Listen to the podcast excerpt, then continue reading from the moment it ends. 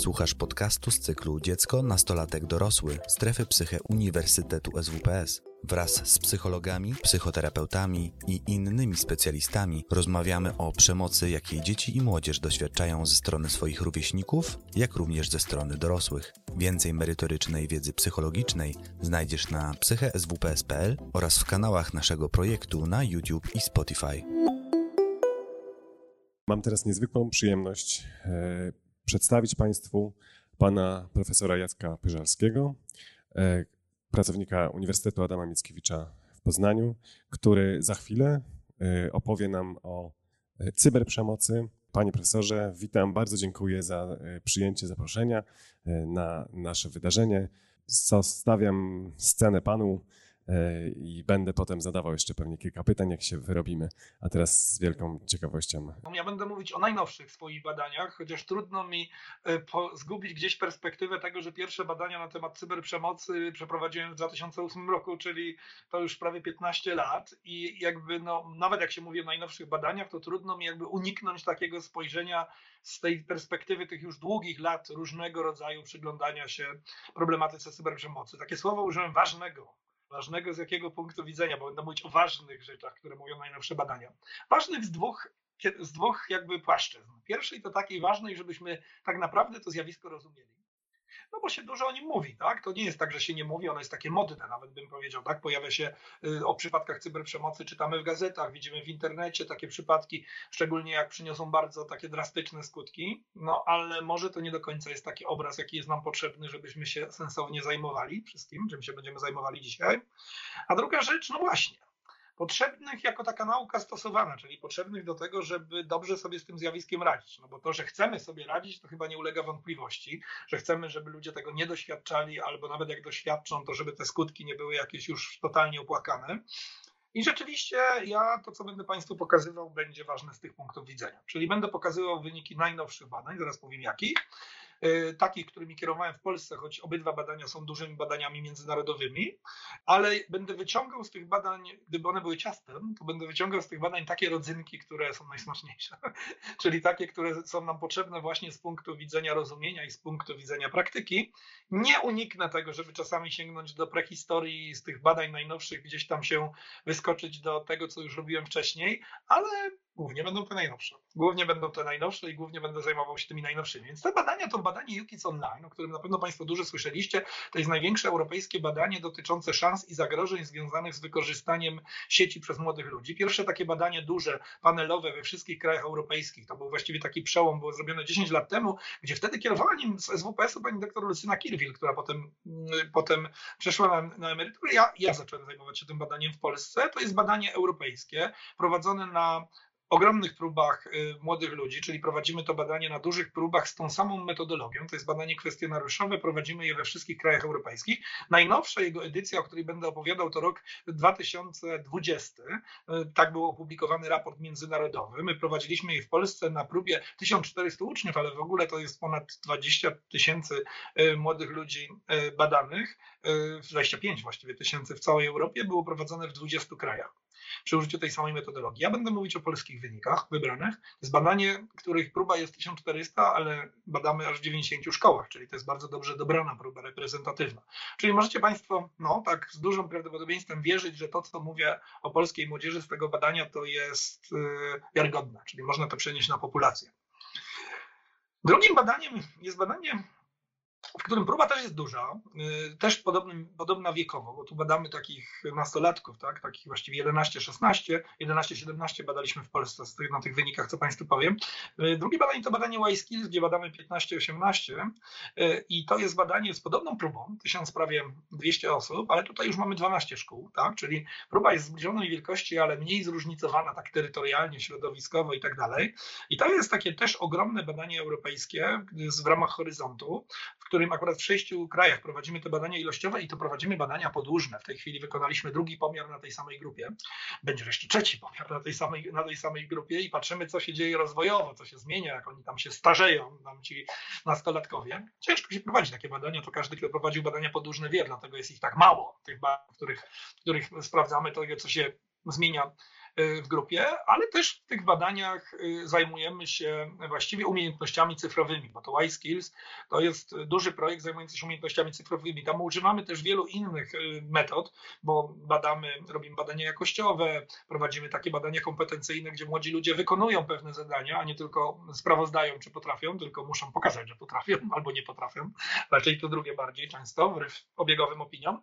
Natomiast ja się ograniczę do tej części ilościowej badań, czyli opowiem Państwu, co wyszło w tej pierwszej fali badań. Oczywiście z obu badań, oba badania są dużo szersze. Nie zajmują się tylko tak zwaną cyberagresją czy agresją sieci, tylko zajmują się całą szeroką paletą tego, co i jak młodzi ludzie robią online, zarówno pozytywnie, czyli co czerpią dobrego, jak się rozwijają, czego się uczą i tak dalej, jak i negatywnie. I wśród tych negatywnych oczywiście mamy e, różnego, w różny sposób w tych badaniach ilościowych dotykamy sprawy cyberprzemocy, zarówno w kontekście wiktymizacji, czyli doświadczenia przemocy. E, tak się coraz rzadziej mówi, że ktoś jest ofiarą, nie? Bo się unika tego, bo to takie jest, mówi się stygmatyzujące i takie już na zawsze, nie? Tylko mówi się o osobie doświadczającej przemocy, czyli trochę bardziej optymistycznie, że może jej nie doświadczać, ale też się mówi e, o tym, w tych badaniach też dotykamy oczywiście tej kwestii, gdzie młodzi ludzie są tymi, którzy tej tą przemoc robią, czyli są sprawcami. E, oczywiście nie będę mówić tylko prostych wyników, że Państwu powiem, ile tego jest, no bo z takich badań już reprezentatywnych no można trochę wiarygodnie powiedzieć, czy tego jest dużo, czy tego jest mało.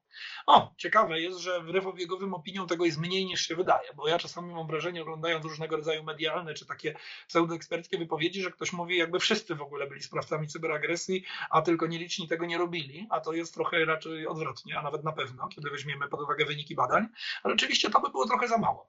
Bo ja Państwu też wyciągnąłem z tych badań rzeczy, które są kontekstowe, które są potrzebne do rozumienia, a się już tak bezpośrednio nie odnoszą do tej przemocy, tylko na przykład odnoszą się do ważnych kompetencji, na przykład cyfrowych, albo odnoszą się w ogóle do samego sposobu używania technologii, ale jak się wyciągnie dobre wnioski i się połączy jedno z drugim, no to można coś z tego mądrego, mam nadzieję, wyciągnąć. No to dobra, no to kilka słów wstępu, jeśli Państwo pozwolicie. Bo jak mówimy o cyberagresji, a właściwie w kontekście młodych ludzi mówimy o niej, czy rozmawiamy na jej temat od 2005 roku. Tak się przyjmuje w literaturze i wtedy się pojawiły zresztą pod wpływem mediów, bo były pierwsze takie bardzo poważne przypadki wtedy nagłaśniane samobójstw młodych ludzi, którzy doświadczyli cyberagresji. No to tak jak się mówi o, o takiej agresji rówieśniczej, no bo to może być ten kontekst rówieśniczy, ale nie musi być. Mówi się od lat 70., to gdzieś od 2005 roku zaczęły się pojawiać pierwsze publikacje e, takie naukowe, naukowcy zaczęli o tym pisać i podejmować pierwsze próby badawcze badania e, cyberagresji w kontekście właśnie e, młodych ludzi, no to zwróćcie Państwo uwagę, że ten przedrostek to tak naprawdę mówi przemoc z technologią, cyber, cyfrowa, tak? I tak naprawdę chciałbym Państwu powiedzieć, że tu są dwie kwestie. Z jednej strony to jest taka kwestia, że mamy nowe narzędzie, no bo można by powiedzieć, zamiast kija, to te różne instrumenty internetowe, głównie komunikacyjne, są narzędziem. Wcześniej telefony komórkowe, teraz już coraz częściej się mówi o internecie, tak? Z drugiej strony zwróćcie Państwo uwagę, że to nie jest takie proste, bo coraz częściej to nie jest narzędzie, tylko środowisko, gdzie to się dzieje. To nie jest to samo, tak? Bo jeżeli to się dzieje gdzieś w społeczności online, no nie wiem, dzieje się w jakiejś grupie facebookowej na przykład, to tu to nawet to z jednej strony jest narzędzie, tak? No bo ja używam narzędzia na przykład do przemocy werbalnej, że ja to piszę na komunikatorze na przykład, czy piszę to w jakiejś grupie, ale z drugiej strony mogę powiedzieć, że to jest środowisko, w którym to się dzieje, tak? I najważniejsze tutaj jest pytanie właśnie, na ile to jest y, jakby rozdzielalne, tak? na ile to jest mm, nowe środowisko, na ile mogę powiedzieć, to się dzieje w sieci, a na ile mogę powiedzieć, że jest nierozdzielalne. Ja mogę powiedzieć, że to jest raczej nierozdzielalne. Ja Państwu dam dowody zaraz empiryczne na to, że jak ktoś próbuje wziąć siekierkę i rozdzielić funkcjonowanie świata online, jeżeli chodzi o agresję świata offline, to popełnia bardzo duży błąd i tak naprawdę z punktu widzenia profilaktyki i załatwiania tych spraw y, donikąd nie dojdzie próbując myśleć o tym w taki sposób rozdzielny, że oto mamy jakiś świat online czy offline. A jak ktoś jeszcze będzie myślał gorzej i będzie w ogóle używał, bo to nie tylko określenia, tylko to w ogóle sposób nasz myślenia i będzie mówił, że coś się dzieje realnie w szkole, czy na ulicy, czy na osiedlu, w środowisku realnym, a coś się dzieje wirtualnie, że to jest wirtualna przemoc, jeżeli będzie używał takich w ogóle przymiotników wartościujących, to już się na pewno pomyli, bo wszystko, co się dzieje, także jeśli chodzi o agresję pomiędzy ludźmi online, jest prawdziwe, chociaż online nie jest wirtualne, tak?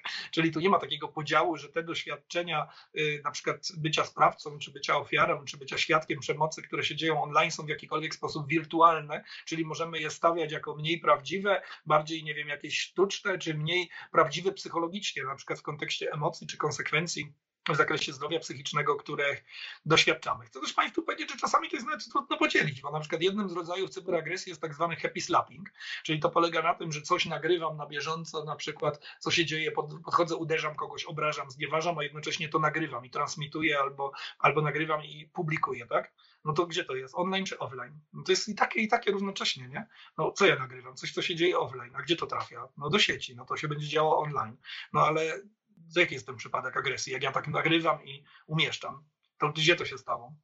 I tu, i tu naraz, nie? Czyli w ogóle chcę Państwu powiedzieć, i zaraz o tym powiem zresztą więcej, że w tej chwili to jest nierozdzielalne i właściwie nie powinniśmy mówić o tak zwanej cyberagresji, tylko o agresji, która po prostu ma elementy wykorzystania środowiska online i to jest duża różnica. I to nam naprawdę z punktu widzenia praktyki bardzo dużo zmienia. Chcę też Państwu powiedzieć, że to jest zjawisko bardzo zmienne. Znaczy w ogóle zjawisko przemocy jest bardzo zmienne, szkolnej, takiej zwykłej też. Zresztą sami badacze na początku się zajmowali tylko fizyczną i słowną, a dopiero potem na przykład wykluczeniem, o którym tak ładnie mówił pan Jakub mm, przed, przed chwilą. Zresztą to, o czym pan Jakub mówił, przy okazji mogę też jeszcze potwierdzić, że mówił bardzo ważne rzeczy o tej dorosłości. Chcę też powiedzieć, że badania, na przykład australijski projekt temperamentu, badania podłużne, gdzie się bada ludzi od dzieciństwa, którzy teraz mają ponad 40 lat, to one też potwierdzają, że zostają ślady przemocy na długo, dużo dłużej niż jak się chodzi do szkoły takiej rówieśniczej, więc o tym warto powiedzieć. Natomiast chcę też Państwu powiedzieć, że zwróćcie Państwo uwagę, że skoro to jest zjawisko pomieszane z technologią, a jest pomieszane z technologią, to jest to też zjawisko, które ewoluuje wraz z technologią. Na przykład jakbym Państwa zapytał, czy zmiany w technologiach na przykład komunikacyjnych coś zmieniają. No oczywiście. No weźmy na przykład coś takiego jak możliwość teraz tanio i szybko transmitowania czegoś na żywo, coś się dzieje. No to już mam kolejne narzędzie, które no jest bardzo z jednej strony kuszące, tak? bo mogę robić coś bardzo głupiego, a jednocześnie to momentalnie transmitować. Tak? Albo na przykład łatwość nagrywania tak? różnych, różnych rzeczy. Coraz częściej mamy do czynienia ze sprawcami, którzy nagrywają różne rzeczy i publikują. W momencie, jak to wideo jeszcze kiedyś w tym prostszym internecie nie było ani takie łatwe do nagrywania, ani do publikowania, no to to nie było tak kuszące, ani to nie było tak powszechne. Nie?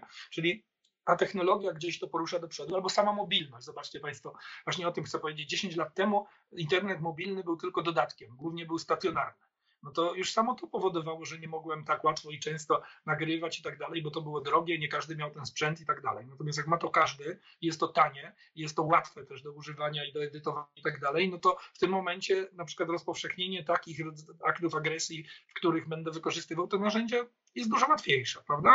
Y, w tej chwili mobilność jest w ogóle czołowa. Właściwie jest 20%, ja to zaraz pokażę takich młodych ludzi, co w ogóle są tylko mobilni. Całą zdalną się uczyli tylko mobilnie na przykład, tak? Czyli można by powiedzieć, że u nich stacjonarny internet to jest dodatkiem. No ale pojawiają się też nowe zjawiska kulturowe, nie? Zobaczcie Państwo, jak mówimy szerzej o cyberprzemocy, zjawisko na przykład patostreamingu, tak? Nie było, nie było, a nagle było dwa lata temu, a teraz znowu trochę umarło, tak? No ale to też mogę powiedzieć, że te zjawiska tak przechodzą różne kulturowe, czy zjawisko na przykład memów, które jest z jednej strony ciekawe, no ale z drugiej strony jest na pograniczu, tak? Bo mogę sobie wyobrazić, a bywały takie sytuacje, że zrobię mem dotyczący jakiejś osoby wcale nie znanej i ona nagle się stanie symbolem tam czegoś, tak? No trudno powiedzieć, że to nie jest przejaw agresji, tak? Tak, wobec, tej, wobec, wobec tej osoby czy cyberagresji. Natomiast najważniejsze pytanie, przed którym stoicie Państwo dzisiaj i stoję ja już od 15 lat i stoję codziennie, jak jestem naukowcem, który stara się, żeby jego wyniki były wykorzystywane w badaniach, to jest pytanie, na ile to jest zjawisko nowe. na ile cyberagresja, każda, nie tylko ta rówieśnicza, bo ja zaraz Państwu powiem, że my musimy mieć oko na to, że ona może być różna, że ona nie musi być rówieśnicza, na ile to jest zjawisko na tyle nowe jakościowo, że tu są kompletnie nowe mechanizmy, kompletnie nowe, y, nowe jakby y, sposoby opisu takiego naukowego, ale też na ile to jest nowe zjawisko, jeśli chodzi o sposób przeciwdziałania. Czyli na przykład powiedzmy, że my mówimy od 50 lat pracujemy nad przeciwdziałaniem przemocy rówieśniczej w szkole, no to co, my już mamy sposoby na cyberagresję, czy sobie mamy wypracować, bo nie mamy, bo to się nie nadają, bo to jest na tyle nowe zjawisko, na tyle odmienne, że potrzebujemy nowych. Pamiętam, że taka Kim Lee bodajże w 2008 roku, jedna z badaczek, która tak zaczynała jak ja, bo ja tak zaczynałem te badania głównie z tym, z tym pierwszą falą badaczy, którzy się tym zajmowali, no to ona napisała takie, taki artykuł, który się nazywał Cyberbullying stare wino w nowej butelce, tak? Czyli czy, czy, czy to jest właściwie, właściwie sam ten tytuł mówił o tym, że tu mamy do czynienia jednak ze zjawiskiem tradycyjnym, który no może trochę, dostaje trochę nowy płaszcz, dostaje trochę nową twarz, ale nie jest kompletnie nowym człowiekiem, tak? Który jest kompletnie inny. No nie wiem, czy tak Państwo będziecie po tym moim wystąpieniu mieli taką pełną odpowiedź na to pytanie, ale trochę będzie. Nie chcę Państwu komplikować, żeby Państwu jednak trochę skomplikować sprawę, ale komplikować sensownie, to Państwu powiem, że pomyślcie o tym, że nie ma jednej cyberprzemocy, jeżeli chodzi o kontekst. No nie ma jednej, jeśli chodzi o narzędzia, bo są prowadzone badania, jest trochę czymś innym, na przykład wysłanie do kogoś na prywatnym czacie wyzwiska, a trochę czymś innym umieszczenie tego wyzwiska w komentarzu, jak widzi je 400 osób na przykład, prawda? A to, a to jedno i drugie jest cyberagresją jakąś, tak? Czyli może być inna, że tak powiem, technicznie ta agresja, ale może być też inna, jeśli chodzi o kontekst. Dzisiaj najwięcej jest chyba mowy na tej naszej konferencji o cyberprzemocy rówieśniczej, czyli takiej, gdzie tymi zaangażowanymi osobami, jeżeli chodzi o młodych ludzi w formie osoby doświadczającej, znaczy jeśli chodzi o osobę doświadczającą przemocy i tych, którzy ją e, realizują, czyli tym, którzy ją wykonują, e, są młodzi ludzie, bo jest rówieśnicza. I tu i tu są rówieśniczy, rówieśnik robi rówieśnikowi. I ja dużo czasu poświęcę tej cyberprzemocy, ale chcę Państwu uzmysłowić, że nasi młodzi ludzie mogą angażować się absolutnie w przemoc, która nie jest przemocą rówieśniczą. Mogą na przykład mm, stosować tak zwaną cybermowę nienawiści, gdzie na przykład wejdą na jakieś publiczne miejsce i obrażą jakąś grupę na przykład społeczną, tak? I obrażą na przykład, nie wiem, e, osoby określonej religii czy określonej narodowości i to też będzie cyberprzemoc, ale już nie rówieśnicza, tak? Mogą na przykład zrobić coś, co się nazywa przemocą wobec rówieśników, coraz częściej, celebrytów, coraz częściej się to bada. Swoją drogą niektórzy młodzi ludzie, którzy obrażają celebrytę, uważają, że to celebryta to się cieszy, bo chce być sławny, no to jak my go obrażamy, to jest w porządku. Jak się prowadzi badania jakościowe, to ci sprawcy w ogóle się nie czują sprawcami, bo biorą tego celebrytę jako pomnik, jako kogoś, kto nie jest człowiekiem, tylko kogoś, kogo można zrobić z nim co chcemy, tak? Bo on przecież jest właściwie ikoną pewną i nic nie czuje, nic nie wie i tak dalej. Co jest oczywiście kompletną nieprawdą, bo były samobójstwa celebrytów spowodowane cyberprzemocą i też są opisane w literaturze. Natomiast no, czujecie Państwo też, że to na pewno jest cyberagresja, ale inna, tak? Może to być przemoc na przykład taka w ogóle mm, przypadkowa, że się wchodzi na jakieś forum i się obraża nawet nie wie się kogo, jakiś awatar, tak? kogoś, kto tam rozmawia, taka impulsywna i to też jest cyberprzemoc ale też jeszcze inna kontekstowo. I teraz zobaczcie Państwo, zarówno z poziomu badania, jak ja to badam, albo ktokolwiek to bada, no to zależnie od kontekstu, to ja badam różne rodzaje cyberprzemocy, ale chyba ważniejsze jest dla Państwa to, że ja tak naprawdę je będę różnie rozwiązywał w praktyce, bo trochę inaczej rozwiązuję cyberprzemoc rówieśniczą, która jest mocno powiązana z jakąś grupą, konkretną klasą szkolną, do której chodzę, w której coś się dzieje, a trochę inaczej te inne rodzaje cyberprzemocy. Więc my sobie musimy uzmysłowić jako badacze, że my musimy być już mądrzejsi po tych 15 latach i wiedzieć, co badamy. I tak pytać, i tak badać, żeby nie badać jakiejś ogólnej cyberprzemocy, która jest wyodrębniona tylko ze względu na narzędzie, tylko badać te różne rodzaje cyberprzemocy. Oczywiście najwięcej uwagi poświęcamy tej która chyba dzisiaj też dominuje na tej konferencji. Ja zresztą też najwięcej tego badałem, czyli tej cyberprzemocy rówieśniczej, ale nie zapominajmy, że obok są te inne. Zresztą z moich badań sprzed 15 lat, nawet takich starych, wynika to, że bardzo często ci, którzy są sprawcami takiej przemocy, to są w różnych kontekstach, czyli robią różne te rodzaje cyberprzemocy równocześnie. No dobrze, no to jak jesteście Państwo gotowi już do przejścia do takich, bym powiedział, jakichś y, bardzo konkretnych y, wyników, no to może powiem Państwu najpierw, ile tego jest, a przy okazji będę Państwu mm, korzystał z tego wstępu i będę mówił czego. No więc jak weźmiemy taką cyberprzemoc, y, którą badaliśmy w badaniu UKIS Online pod kątem tej mowy nienawiści, czyli pytaliśmy, czy szukali, widzieli, ale też byli ofiarami takich treści wobec całych grup w internecie, negatywnych, obraźliwych, czyli takiej tak zwanej tej mowy nienawiści, e, tej mowy nienawiści mm, w internecie, czyli takich no, wypowiedzi czy memów na przykład przeciwko, nie wiem, muzułmanom, katolikom, Ukraińcom, Polakom, Rosjanom, komu chcecie, tak? To chcę Państwu powiedzieć, że sprawcami takiej mowy nienawiści w ciągu roku poprzedzającego badanie było 6%, mniej więcej, 5,9, trochę mniej, według badania tego UKIS Online ofiarami, że ktoś mówił, ja należę do takiej grupy, która była obrażana. I tu chcę Państwu zwrócić uwagę na ważny mechanizm. Chociaż ten sprawca obraża całą grupę, nie? czyli pisze na przykład przeciwko Ukraińcom, to każdy Ukrainiec, który to przeczyta, czuje, że to jest przeciwko niemu. Nie? Mimo, że z punktu widzenia sprawcy nie ma zidentyfikowanej i tak mocno zdefiniowanej ofiary, to z punktu widzenia ofiary należysz do tej grupy, to ktoś niszczy ciebie i atakuje ciebie. Celowo z kolei szukało takich treści też około 9%. Co to, czemu to dla Państwa ważna informacja? Po pierwsze, zobaczcie, jak mało ludzi jest aktywnymi zarówno poszukiwaczami takich treści wśród młodych ludzi, jak i tymi, którzy te treści produkują. Problem jest taki, że internet daje możliwość przez cyfrowość upowszechniania, multiplikowania, czyli tak naprawdę sprawców jest mało, ale odbiorców nawet niechcianych, tych, którzy nie, tego nie szukają, jest dużo. I tu jest ten problem z cyberprzemocą. Nie to, że to wszyscy robią, tylko że to wszyscy widzą. I, ale w ogóle z punktu widzenia profilaktyki, bo mówiłem, że będę mówił o ważnych rzeczach dla profilaktyki, zobaczcie, jak to jest ważna informacja do pracy z młodymi ludźmi i do dyskusji z nimi o tym zjawisku. Do nich się często przychodzi zakładając podskórnie, że wszyscy to robią i naprawdę ludzie przychodzą, nawet jak nie mówią tego wprost, to mówią, my przychodzimy do was mówić o cyberprzemocy, bo to jest powszechne. To nie jest prawda. I to wręcz, wręcz bagatelizuje zło i wręcz można powiedzieć w jakiś sposób, w jakiś sposób mówi o tym źle, yy, legitymizuje je, nie? Bo mówi wszyscy to robimy, nie? To tam, prawda, uważajmy i tak dalej. A prawdziwy komunikat, taki oparty na badaniach jest taki, mało ludzi to robi. I jak ty tego nie robisz, to jesteś w większości i raczej powinieneś patrzeć na tych, którzy to robią, ich nie wspierać, nie popierać, nie udostępniać i tak dalej. Jak potem pokażę Państwu jeszcze dzisiaj drugi ważny wynik, to dobrze to zapamiętajcie, co teraz mówię, o tym udostępnianiu. I pomyślcie, czy ktoś udostępniający to też jest sprawca, czy nie jest, nie? Na pewno nie taki jak ten, który to stworzył, ale no właśnie. Jest świadkiem tylko, czy jak zrobił taką aktywność, że lajknął albo udostępnił, to jest, to jest sprawcą. Ciekawe, nie? Ciekawe też, jaka jest jego perspektywa, co on sobie o tym myśli. Drugim rodzajem bullyingu, który badaliśmy, no to to jest ten bullying e, klasyczny szkolny, cyberbullying szkolny, czyli wtedy pytaliśmy o to, czy w internecie i poza internetem, bo my badamy równocześnie oba środowiska. To jest w ogóle bardzo dobry sposób badania cyberprzemocy, że się w tym samym badaniu umieszcza kontekstowo też pytania o tradycyjną przemoc. Wszystkie badania, które znam, a ja prowadziłem pięć dużych ilościowych badań, w których mogłem to sprawdzić, pokazują na, mocne nakładanie się obu tych zjawisk. Czyli właściwie e, nie ma czegoś takiego, że to jest oddzielone i właściwie znaleźć sprawców młodych cyberprzemocy przemocy, którzy nie są sprawcami przemocy rówieśniczej tradycyjnej, to po prostu jest bardzo trudne, bo praktycznie większość z nich jest tymi sprawcami tradycyjnymi. Podobnie zresztą z byciem ofiarą. Najczęściej jesteś taką poliofiarą i tego, że ci robią w szkole zwykłe rzeczy i tego, że ci robią w sieci. Natomiast oczywiście tutaj jest parę problemów konceptualnych. No nie chcę w nie wnikać, bo naprawdę nie mamy na to czasu, to krótkie spotkanie, ale powiem Państwu, jak to się nakłada, żebyście wiedzieli, jak to się elegancko nakłada. Okazuje się, że tych e, osób jest, y, które według tego naszego badania UKIDS Online, których jest tak regularnie robią kolegom, koleżankom w sieci te rzeczy, jest 9% mniej więcej. Tych, którzy robią tradycyjny bullying jest mniej więcej tyle samo i podobnie jest z byciem, z byciem ofiarą. To są takie wyniki normalne.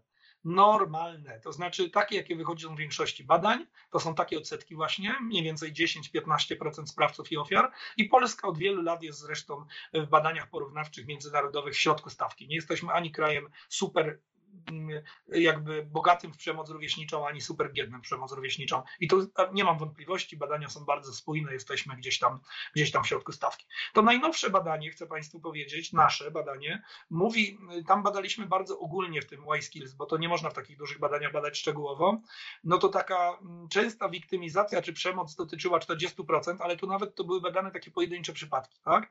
Natomiast y, sprawstwo podobnie, około 40%, ale tutaj nie badaliśmy tak już specyficznie specyficznie, że to się dzieje w grupie rówieśniczej i nie badaliśmy tak specyficznie, że to się dzieje w formie już takich regularnych, jak to ma być w bullyingu aktów. Przy okazji powiem Państwu, badanie Fundacji Dajemy Dzieciom Siłę, które robili w środku pandemii, pokazało, że ofiarami cyberprzemocy rówieśniczej był co dziewiąty polski nastolatek w czasie edukacji zdalnej. Czyli co z tego, że edukacja była zdalna, jak przemoc zdalna też była jednak możliwa, nie? więc to chcę Państwu powiedzieć. Czyli zobaczcie, co jaki wniosek, tak żebyśmy tutaj nie robili za bardzo skomplikowanego wykładu? Wniosek taki, że robi to mniejszość, Wniosek taki, że musimy bardzo uważać, jak czytamy takie wyniki badań, jak ktoś pytał o tą przemoc i czy łapało się na to wszystko, czy tylko przemoc rówieśnicza, jak była badana częstotliwość, czy to badanie łapie też incydenty pojedyncze, czy łapie doświadczenia tylko poważne, czy takie bardziej, które przynoszą poważny skutek, czy bada wszystkie takie fakty i doświadczenia. Więc naprawdę jest tym sporo zamieszania w tych wynikach, dlatego że narzędzia są używane różnie i muszę to niestety, wrzucając kamyczek do badaczy, powiedzieć y, do grudka badaczy, czasami badacze nie wiedzą, co co badają, tak? Czyli pytają po prostu w taki sposób o te rzeczy, że, że w sumie nie wiadomo, co, bardzo, co, co, co, co, co było badane. No ale teraz zaczynają się chyba ciekawsze rzeczy, bo chcę Państwu powiedzieć, że y, jeden bardzo ciekawy wynik i myślę, że powinien Państwa zainteresować, bo my się wszyscy interesujemy, czy młodzi ludzie siedzą w sieci długo. I jak wszyscy mówią, siedzą długo, to źle. Swoją drogą, kiedy teraz nie jesteśmy w sieci przy internecie mobilnym, tak? Jak biegnę w lesie z nawigacją, to, to też jestem trochę w sieci, nie? A chociaż biegnę w lesie, tak? Więc, więc i też się to liczy, ale jest to też czas w sieci, no bo nawigacja nie działa bez sieci, tak? Więc już teraz nawet trudno jest powiedzieć, gdzie jesteśmy tu, a gdzie jesteśmy gdzie indziej. Więc w ogóle ten problem zaczyna być problemem dość ciekawym. Natomiast chcę Państwu powiedzieć, że się koncentrujemy na tym, ile siedzą, a nie koncentrujemy się jak. Jak ja zrobiłem taką ciekawą analizę, że z tego dużego badania UKIS Online wyciągnąłem tych, co siedzą poniżej godziny, czyli króciutko, nie? I porównałem ich e, z, i, i, zobaczyłem, czy oni na przykład są sprawcami agresji, to mimo, że siedzą poniżej godziny, to co dziewiąty był sprawcą jakiejś, jakiegoś rodzaju agresji online w ciągu roku poprzedzającego badanie. Czyli jak widać, można krótko i też niedobrze, tak? Czyli powinniśmy się bardziej skoncentrować, to też mówię, jest w stronę profilaktyki, nie, na, nie tyle na tym ile, co na tym jak to ile to już jest przestarzały sposób myślenia i do niczego nie prowadzi. No to teraz chcę Państwu powiedzieć, jaki mamy jeszcze problem z tą cyfrowością. No mamy problem z tą mobilnością. Nie? Trudno, żebyśmy nie mieli e, elementu cyberagresji, kiedy coraz więcej młodych ludzi, na przykład w tych naszych najnowszych badaniach Y-Skills, jedna trzecia mówi, że właściwie jest ciągle online, tak? 20% mówi, że właściwie nigdy nie używa stacjonarnego internetu, czyli właściwie co piąty jest tylko mobilny. Czyli można by powiedzieć, że mamy młodzież, która jest ciągle online. No to wiadomo, że wszystkie problemy, które dotyczą młodych ludzi, jak oni są ciągle online, będą też miały wymiar online. No trudno, żeby nie miały, no nie? Mają. I e, co więcej, jeżeli mamy ciągle przy sobie urządzenie jakieś, no to ono może być narzędziem tego, żebyśmy e, doświadczali agresji, ale też żebyśmy mm, byli sprawcami takiej agresji, tak? czyli byli tymi, którzy, którzy, którzy jej dokonują. I chciałbym też powiedzieć, że tak się właśnie dzieje i e, ten wymiar jest coraz większy, ale żeby nie było czarowania, to powiem Państwu, że wszystkie badania najnowsze, nie tylko te nasze, pokazują, że i tak przemoc cyber wersji jest rzadsza niż tradycyjna. Ciągle.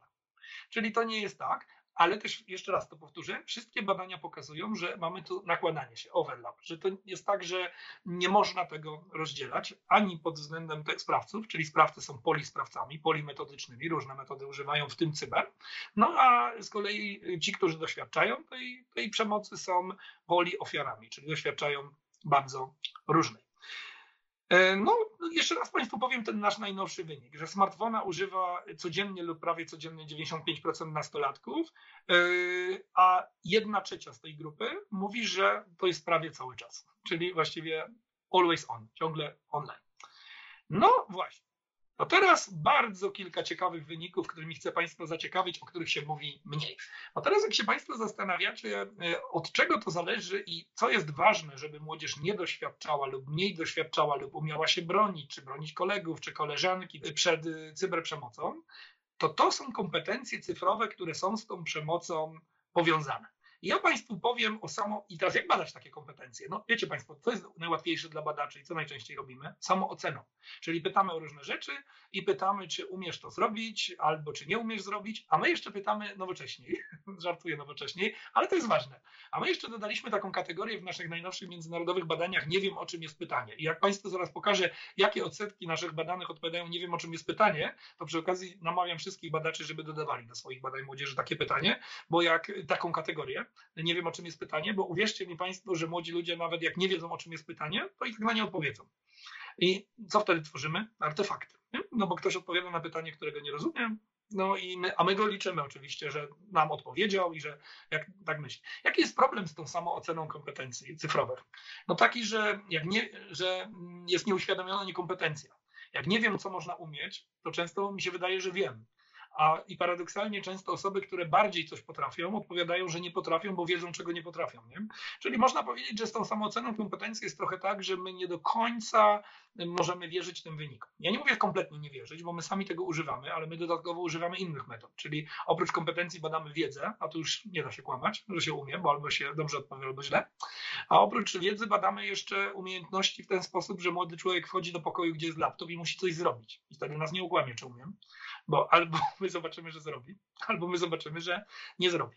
Ale nie wnikając już w te szczegóły, choć to ciekawe, przyznacie Państwo, czy my to dobrze badamy, czy źle, no bo tak wierzymy w tą naukę i wynikające z niej wnioski, no to też można powiedzieć, w wyniki można wierzyć, jak zostały dobrze zaprojektowany sposób zbierania i interpretacji, tak?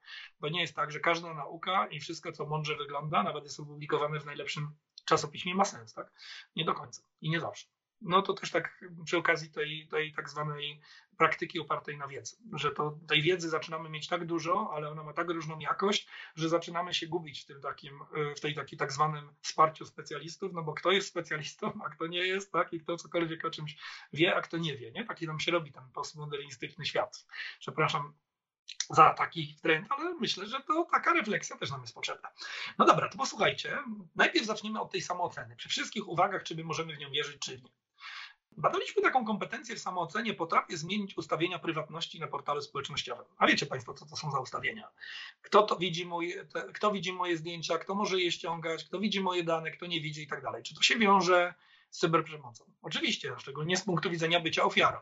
No bo na przykład jak widzi każdy, nie? albo każdy może ściągać i oglądać moje rzeczy, no to chyba łatwiej jest, żebym stał się ofiarą, albo żeby ktoś na przykład wziął moje materiały i coś z nimi robił, niż wtedy, kiedy mam to dobrze pozamykane na przykład, albo kiedy nie, nie, nie, nie, widzi tego każdy. No i tu chcę Państwu powiedzieć, że mimo, że badaliśmy nastolatków starszych, to wcale oni nie są tacy pewni swoich umiejętności, bo to, że to po, do, do, przyznawania się, że to potrafią, albo raczej potrafią, czyli nawet nie tak już mocno, że potrafią, przyznaje się 65%. A wiecie Państwo, ile procent młodych ludzi, mimo że to się wydaje taka oczywista kompetencja cyfrowa, mówi, że nie wie, o czym jest to pytanie? 14. Czyli bardzo dużo, nie? Czyli oni mówią, o co ty mnie pytasz w ogóle, pytając mnie o ustawienia prywatności, a cała reszta co mówi? Ano mówi, nie potrafię tego zrobić. Czyli nawet jak weźmiemy to, że oni mogą przesadzać, że potrafią, to i tak wcale tak dużo ich nie potrafi. Nie? A to jest chyba taka jedna z podstawowych kompetencji. Czyli zobaczcie Państwo, jak bardzo uczenie kompetencji cyfrowych gdzieś nam wkracza w tę profilaktykę cyberprzemocy. Nie? A na przykład umiem zabezpieczyć urządzenie PIN-em. A co, a co młodzież ma w tym urządzeniu teraz? Wszystko. Rozmowy z dziewczyną, zdjęcia prywatne, zdjęcia mamy, swoje zdjęcia, te zdjęcia, które ma w telefonie, ale nie chce ich publikować, nie? Na przykład i tak dalej. Czy to jest dobrze, żeby ktoś na przykład te rzeczy miał inny niż właściciel? No to chyba odpowiedź jest jasna, że nie. A wiecie Państwo, że 3,5% to już nie jest tak dużo jak 14 mówi, że nie wie o czym jest to pytanie, a 88% to już więcej mówi, że to potrafi, no ale są tacy, którzy tego nie potrafią. No i co? Jak oni tego nie potrafią, to oni mają na przykład niezabezpieczone te rzeczy. A jak oni mają niezabezpieczone te rzeczy, to łatwiej jest, żeby wpadło to w czyjeś ręce i żeby ktoś to wykorzystał. No to zadaję pytania retoryczne, tak? Ale widzicie Państwo powiązanie jednego w drugim i tego, co się tutaj dzieje. Teraz, jak coś się już komuś stanie, czyli ofiara już musi ofiara. No właśnie, staram się nie mówić, ale i tak w ogóle no, no, no, no już jestem przyzwyczajony, no tak się zawsze mówiło, tak? Zresztą w artykułach, jak tyle się lat to bada, no to się używa tego słowa victim, ale może trochę mnie przekonuje ludzie, którzy mówią, żeby, żeby nie używać słowa ofiara, bo jak mówię komuś jesteś ofiarą, to mówię wiesz, od dzisiaj na zawsze, nie? I e, prawda, już wie, wiadomo kim jesteś i się zidentyfikuj z tą rolą? Więc, więc, więc, więc, więc, więc może trzeba się pilnować, może to jest mądre, nie? Może to nie jest tylko jakaś polityczna poprawność wobec tego słowa, tylko jest to jakiś sens, nie? Takiego słownictwa, którego używamy. Zresztą zobaczcie Państwo, z jednej strony język służy do opisu rzeczywistości, z drugiej strony język kształtuje rzeczywistość, w której się obracamy, więc e, no, musimy uważać jako badacze, jako naukowcy, profilaktycy, pedagodzy, psychologowie, rodzice jakich słów używamy. E, no ale y, z drugiej strony, zobaczcie, no czasami ktoś jest, doświadczył tej przemocy, no i teraz, y, no i teraz co? Potrafi to gdzieś zgłosić, coś zrobić? No to tylko 77% mówi, że potrafi zgłosić do administratora niewłaściwe treści wobec niego czy grupy, w której się znajduje. Trzy czwarte. Dużo? No, jeżeli pozostałe 25% ma wątpliwości, a nawet 4% mówi, że nie wie, o czym jest pytanie, no to chyba grupa ryzyka, która nie wie, co w tej sytuacji zrobić, mimo że to się nam może wydawać banalne czy oczywiste, jest chyba dość duża, prawda? To nie jest 2%, tylko 25%, więc chyba, chyba dużo. Jest nawet 10% młodych ludzi, co ma wątpliwości, co wolno, a co nie wolno im popublikować online z punktu widzenia własnego bezpieczeństwa. Czyli wprost mówią, że tego nie wiedzą, a ile naprawdę nie wie, no to jest jeszcze więcej. No i jak to wygląda ten obraz, jakbym miał go podsumować? Ano tak, że mamy co robić. I jako rodzice, i jako nauczyciele, że mamy co robić, jeśli chodzi o kompetencje cyfrowe w kontekście cyberprzemocy. Czujecie Państwo najnowsze wyniki populacyjne dotyczące starszej młodzieży, gdzie zwróćcie Państwo uwagę, że ta młodzież jest dużo bardziej skromna w mówieniu o tym, y, co potrafi, niż my często o nich myślimy. Bo co my myślimy często stereotypowo? Urodził się z komórką w ręku i nabył tych kompetencji w naturalny sposób. No to Chyba nie.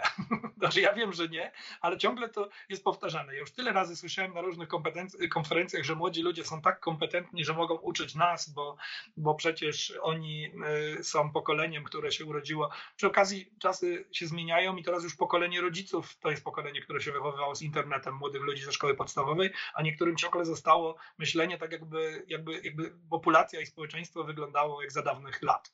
No to teraz popatrzcie Państwo, jakie młodzi ludzie mają, mają praktyki bezpieczeństwa, to już nie są pytania o to, czy umiesz, czy nie umiesz, tylko co robisz. Jedna trzecia ma profil całkowicie otwarty, z tych, którzy mają profil w jakiejś społecznościówce. Nigdy nie mieli wszyscy, wbrew obiegowym opiniom, ma około 80% przeciętnie w, w Europie, 80-85%, ale jedna trzecia ma profil całkowicie otwarty. No dobra, może nie wszyscy są w wielkim ryzyku, bo niektórzy tam dużo nie umieszczają, no ale ci, co umieszczają i mają profil całkowicie otwarty, no to mają wszystkie materiały dostępne dla każdego. To może zrobić z tym wszystko. Także w kontekście cyberprzemocy, zmieniania tych materiałów, uzupełniania, jakiegoś tam ich wykorzystywania i tak dalej. Tak? 46% akceptuje zaproszenia od osób y, nieznanych osobiście, połowa, bardzo dużo, tak? 18% podzieliło się z nieznajomymi informacjami, które traktują jako osobiste. Hm nieznajomymi. Sami mówią, że to nieznajomi i sami mówią, że to były informacje, które oni traktują jako osobiste, no to jest to ryzyko mm, cyberprzemocy. No jest, bo mm, nawet pan Jakub tak ładnie o tym mówił, jak to, ktoś, jak to jest rodzaj cyberprzemocy, tak zwany outing, dzielenie, dzielenie się osobistymi informacjami czyimiś, a 18% udostępniło treści, które ktoś inny wysłał im prywatnie, bez pytania.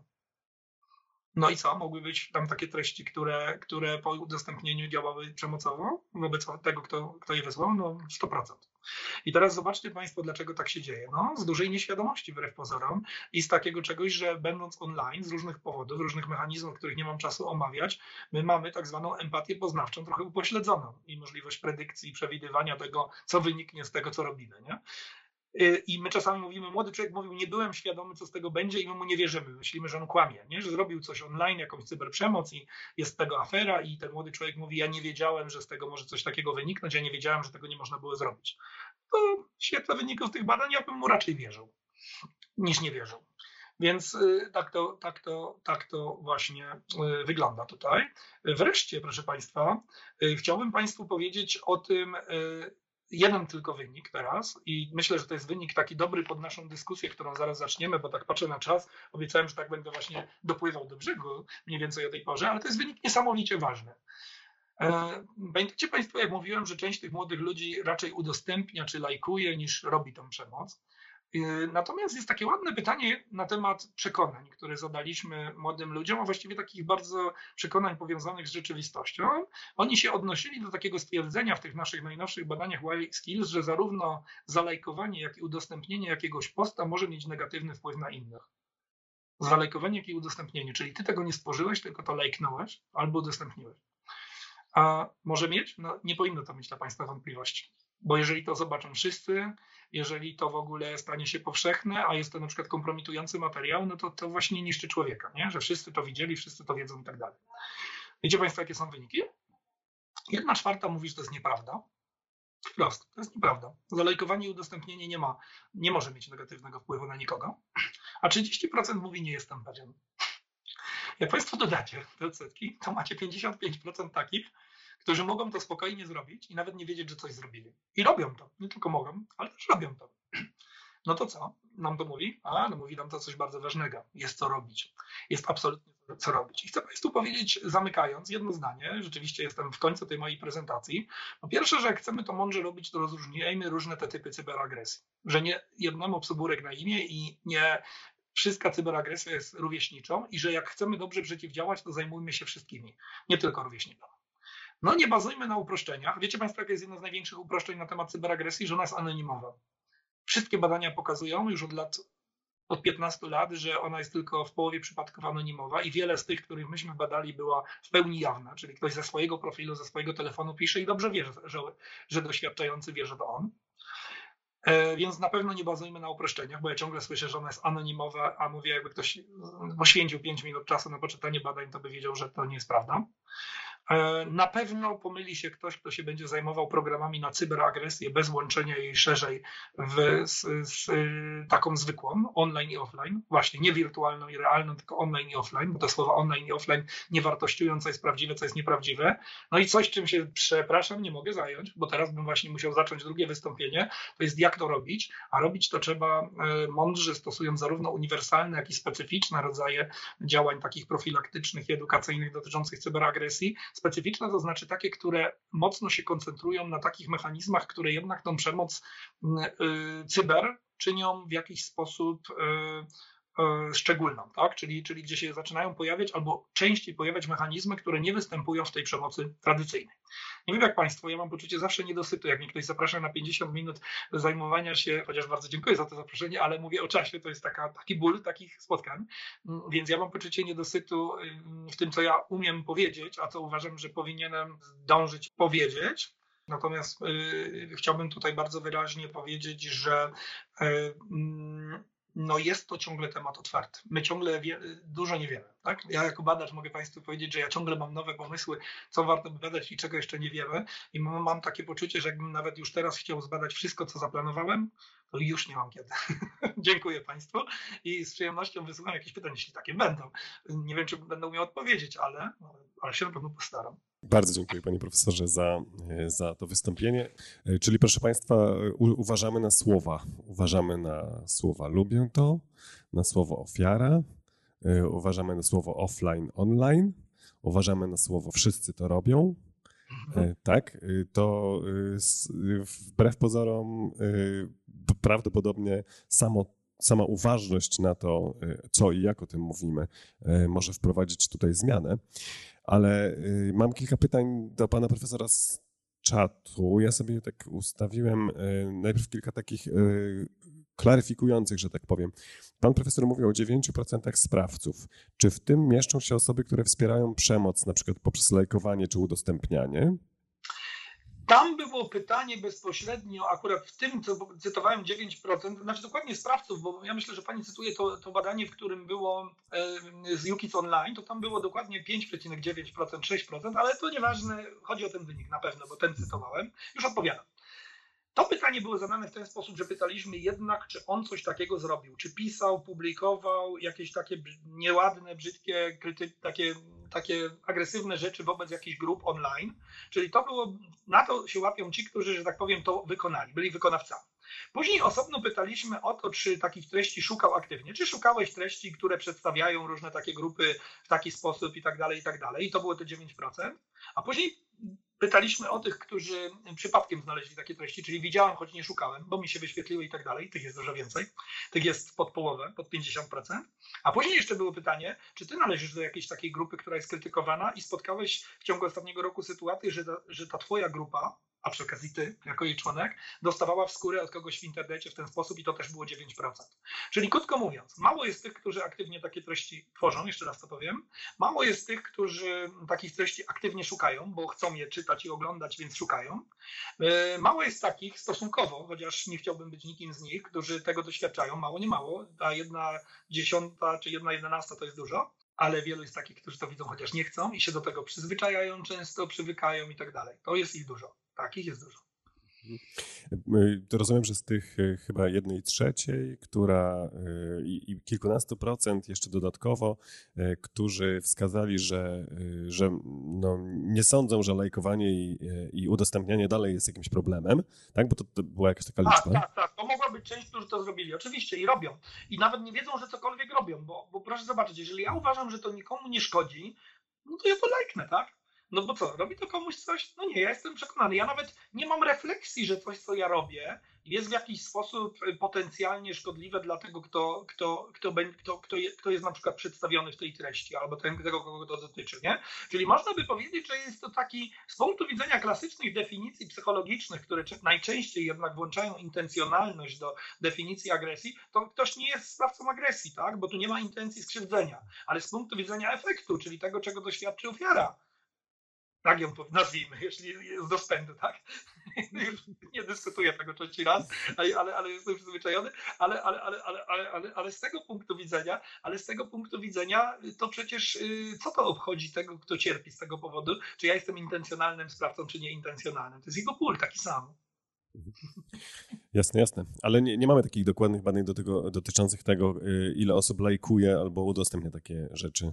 Mało jest. Są takie próby robione, też niedoskonałe. Takie próby bycia świadkiem tego typu trochę próbował robić zespół z Brna, tam zespół e, Hany Machackowej i tak dalej. E, jest trochę takich danych, ale jak pytacie Państwo, czy wystarczająco dużo, żeby to dużo o tym wiedzieć, to nie. to nie mamy. Okej, okay, czyli no, pole do kolejnych badań. E, mam pytanie od Pani Anny. W jakim wieku były osoby badane, o których Pan profesor opowiada? No to zależy w którym badaniu. W badaniu Jukic Online badaliśmy generalnie grupę 11-17, ale mamy niektóre pytania, które zadawaliśmy tylko starszym i niektóre, no te poważniejsze, dotyczące pornografii na przykład i tak dalej, nie zadawaliśmy tej grupie 11-12 z powodów etycznych. Takie zresztą były też decyzje komisji etycznej i tak dalej, więc to była taka, taka próba. Co pełny raport jest dostępny bezpłatnie w sieci pod moim i Pyżalski, Zrodowska, Abramczuk, Tomczyk, badanie jest dostępne, y, cały raport i też jest cały rozdział o agresji. Jak jest coś Państwa ciekawe, tylko wygooglujcie Jukic Online. Y, drugie badanie było robione 15, 14 właściwie, 14-15, bo tam nawet co do miesiąca wiek obliczamy z, z, miesiąca urodzenia, więc no to tak dość ciekawie też to, to badamy. To, jest, to w ogóle oba badania są bardzo wymagające metodologicznie, jeśli chodzi o dobór próby, ale to jest, to, to jest taka grupa wiekowa. Więc częściowo te grupy wiekowe się nakładają z tych dwóch badań, ale generalnie to są nastolatkowie i starsi nastolatkowie. Te wyniki, które dzisiaj pokazałem, dotyczyły głównie tych starszych grup, tych nakładających się no, czyli tak umownie można powiedzieć, że 14, 18, 14, 17. No, mm, oglądaliście Państwo wyniki tak mniej więcej. Szczegółowo nie, ale, ale, ale, ale mniej więcej to, co Państwu dzisiaj mówiłem, to mówiłem o starszych nastolatkach. Okej, okay, dziękuję. Pędzę dalej, bo czasu mało, a jeszcze pytań dużo. E, co zrobić, jeśli pani Magdalena e, pyta, co zrobić, jeśli nasze dziecko jest ofiarą przemocy? Kiedy cyberprzemoc staje się przestępstwem i należy ją zgłosić na policję? A, nie chcę zbywać pani. A tu musiałbym wiedzieć więcej o konkretnej sytuacji, bo to jest w ogóle zawsze trudna definicja, kiedy przemoc w ogóle tradycyjna też jest, jest przestępstwem, tak? I kiedyś załatwiamy sprawy edukacyjnie, wychowawcze, a kiedy sięgamy po policję, po sąd rodzinny i tak dalej. Zawsze, kiedy zawiera elementy seksualne, czyli rozpowszechniane są treści seksualne i tak dalej, w szczególności dlatego, że wchodzą inne przepisy już pod uwagę. Zawsze wtedy, kiedy działa się przez dłuższy czas regularnie szczególnie kiedy działa się z ukrycia i zawsze, kiedy są elementy szantażu, szczególnie szantażu przemocą fizyczną, gdzie ktoś grozi czymś, co zrobi. Bo zawsze jest ryzyko, że to jest y, wiarygodny szantaż i zawsze zignorowanie tego może spowodować, że ktoś te groźby spełni. To, to, to wtedy na 100%. A w innych sytuacjach może już nie na 100%, ale nie jest to tak jak jakby pytanie na krótką odpowiedź, ale te rzeczy, które powiedziałem, to zawsze sięgamy po tą, po tą, po tą, po tą taką profesjonalny ruch i takie wręcz instytucje ścigania, 100%. Mhm. E, dziękuję bardzo. Pani, e, ostatnie pytanie od Pani Adrianny. E, badania nie dotyczyły, rozumiem, że te badania, o których Pan Profesor mówił, nie dotyczyły czasu pandemii. Czy pandemia nie zmienia, zmieniałaby w znaczący sposób wyników badań? Nasuwa się pytanie, czy nie jest jeszcze gorzej? No to jedne dotyczyły, bo badania te, specjalnie wiedząc, że tak jest, to dałem Państwu, żeby pokazać, że coś się dzieje, te wyniki badań Fundacji Dajemy Dzieciom Siły, które były w środku pandemii robione, na takim panelu chyba 11-17 lat reprezentatywnym nastolatków i tam było 11%, czyli mógłbym powiedzieć jest podobnie podobnie. Chociaż mogę Pani powiedzieć, że pandemia zmieniła wzory używania. My prowadziliśmy takie badanie, może Pani sobie ściągnąć całą książkę wydaną przez Gdańskie Wydawnictwo Psychologiczne bezpłatnie ze strony zdalne nauczanie.org i tam pani znajdzie nasze wyniki badań na temat używania sieci, no bo na pewno się zmienił czas, ale się też trochę zmieniły wzory używania. Nie przesadzałbym z tym, że bardzo mocno destrukcyjnie, bardziej jeśli chodzi o tak zwany dobrostan cyfrowy, to to poszło złe kierunki. Ja bym powiedział, że z przemocą nie, ale też chcę powiedzieć, że wielu, wiele na przykład ofiar tej tradycyjnej przemocy, którym w szkole się dogadywało, nawet niekoniecznie że były fizycznej doświadczały, to one z kolei odpoczęły w czasie pandemii. Dla nich z kolei problemem, dla wielu tych, co byli, y, doświadczali tej przemocy tradycyjnej w szkole, to czas pandemii był z kolei, no, miejscem odpoczynku, czy, czy obszarem odpoczynku jakiegoś, czy jakiegoś wytchnienia. No tak, a biorąc pod uwagę, że tak jak zrozumiałem, pan profesor mówił, że tej przemocy, e, no można już tak użyć offline, e, aniż tej cyberprzemocy jest tak naprawdę więcej, z tego co zrozumiałem nadal, no to być może nawet w pewnym sensie była bardziej wytchnieniem pandemii, aniżeli nie. Potwierdzam to. Właśnie to, to chciałem powiedzieć na końcu, może tak za szybko powiedziałem, ale to, chcia, to chciałem powiedzieć, co pan tak ładnie sparafrazował.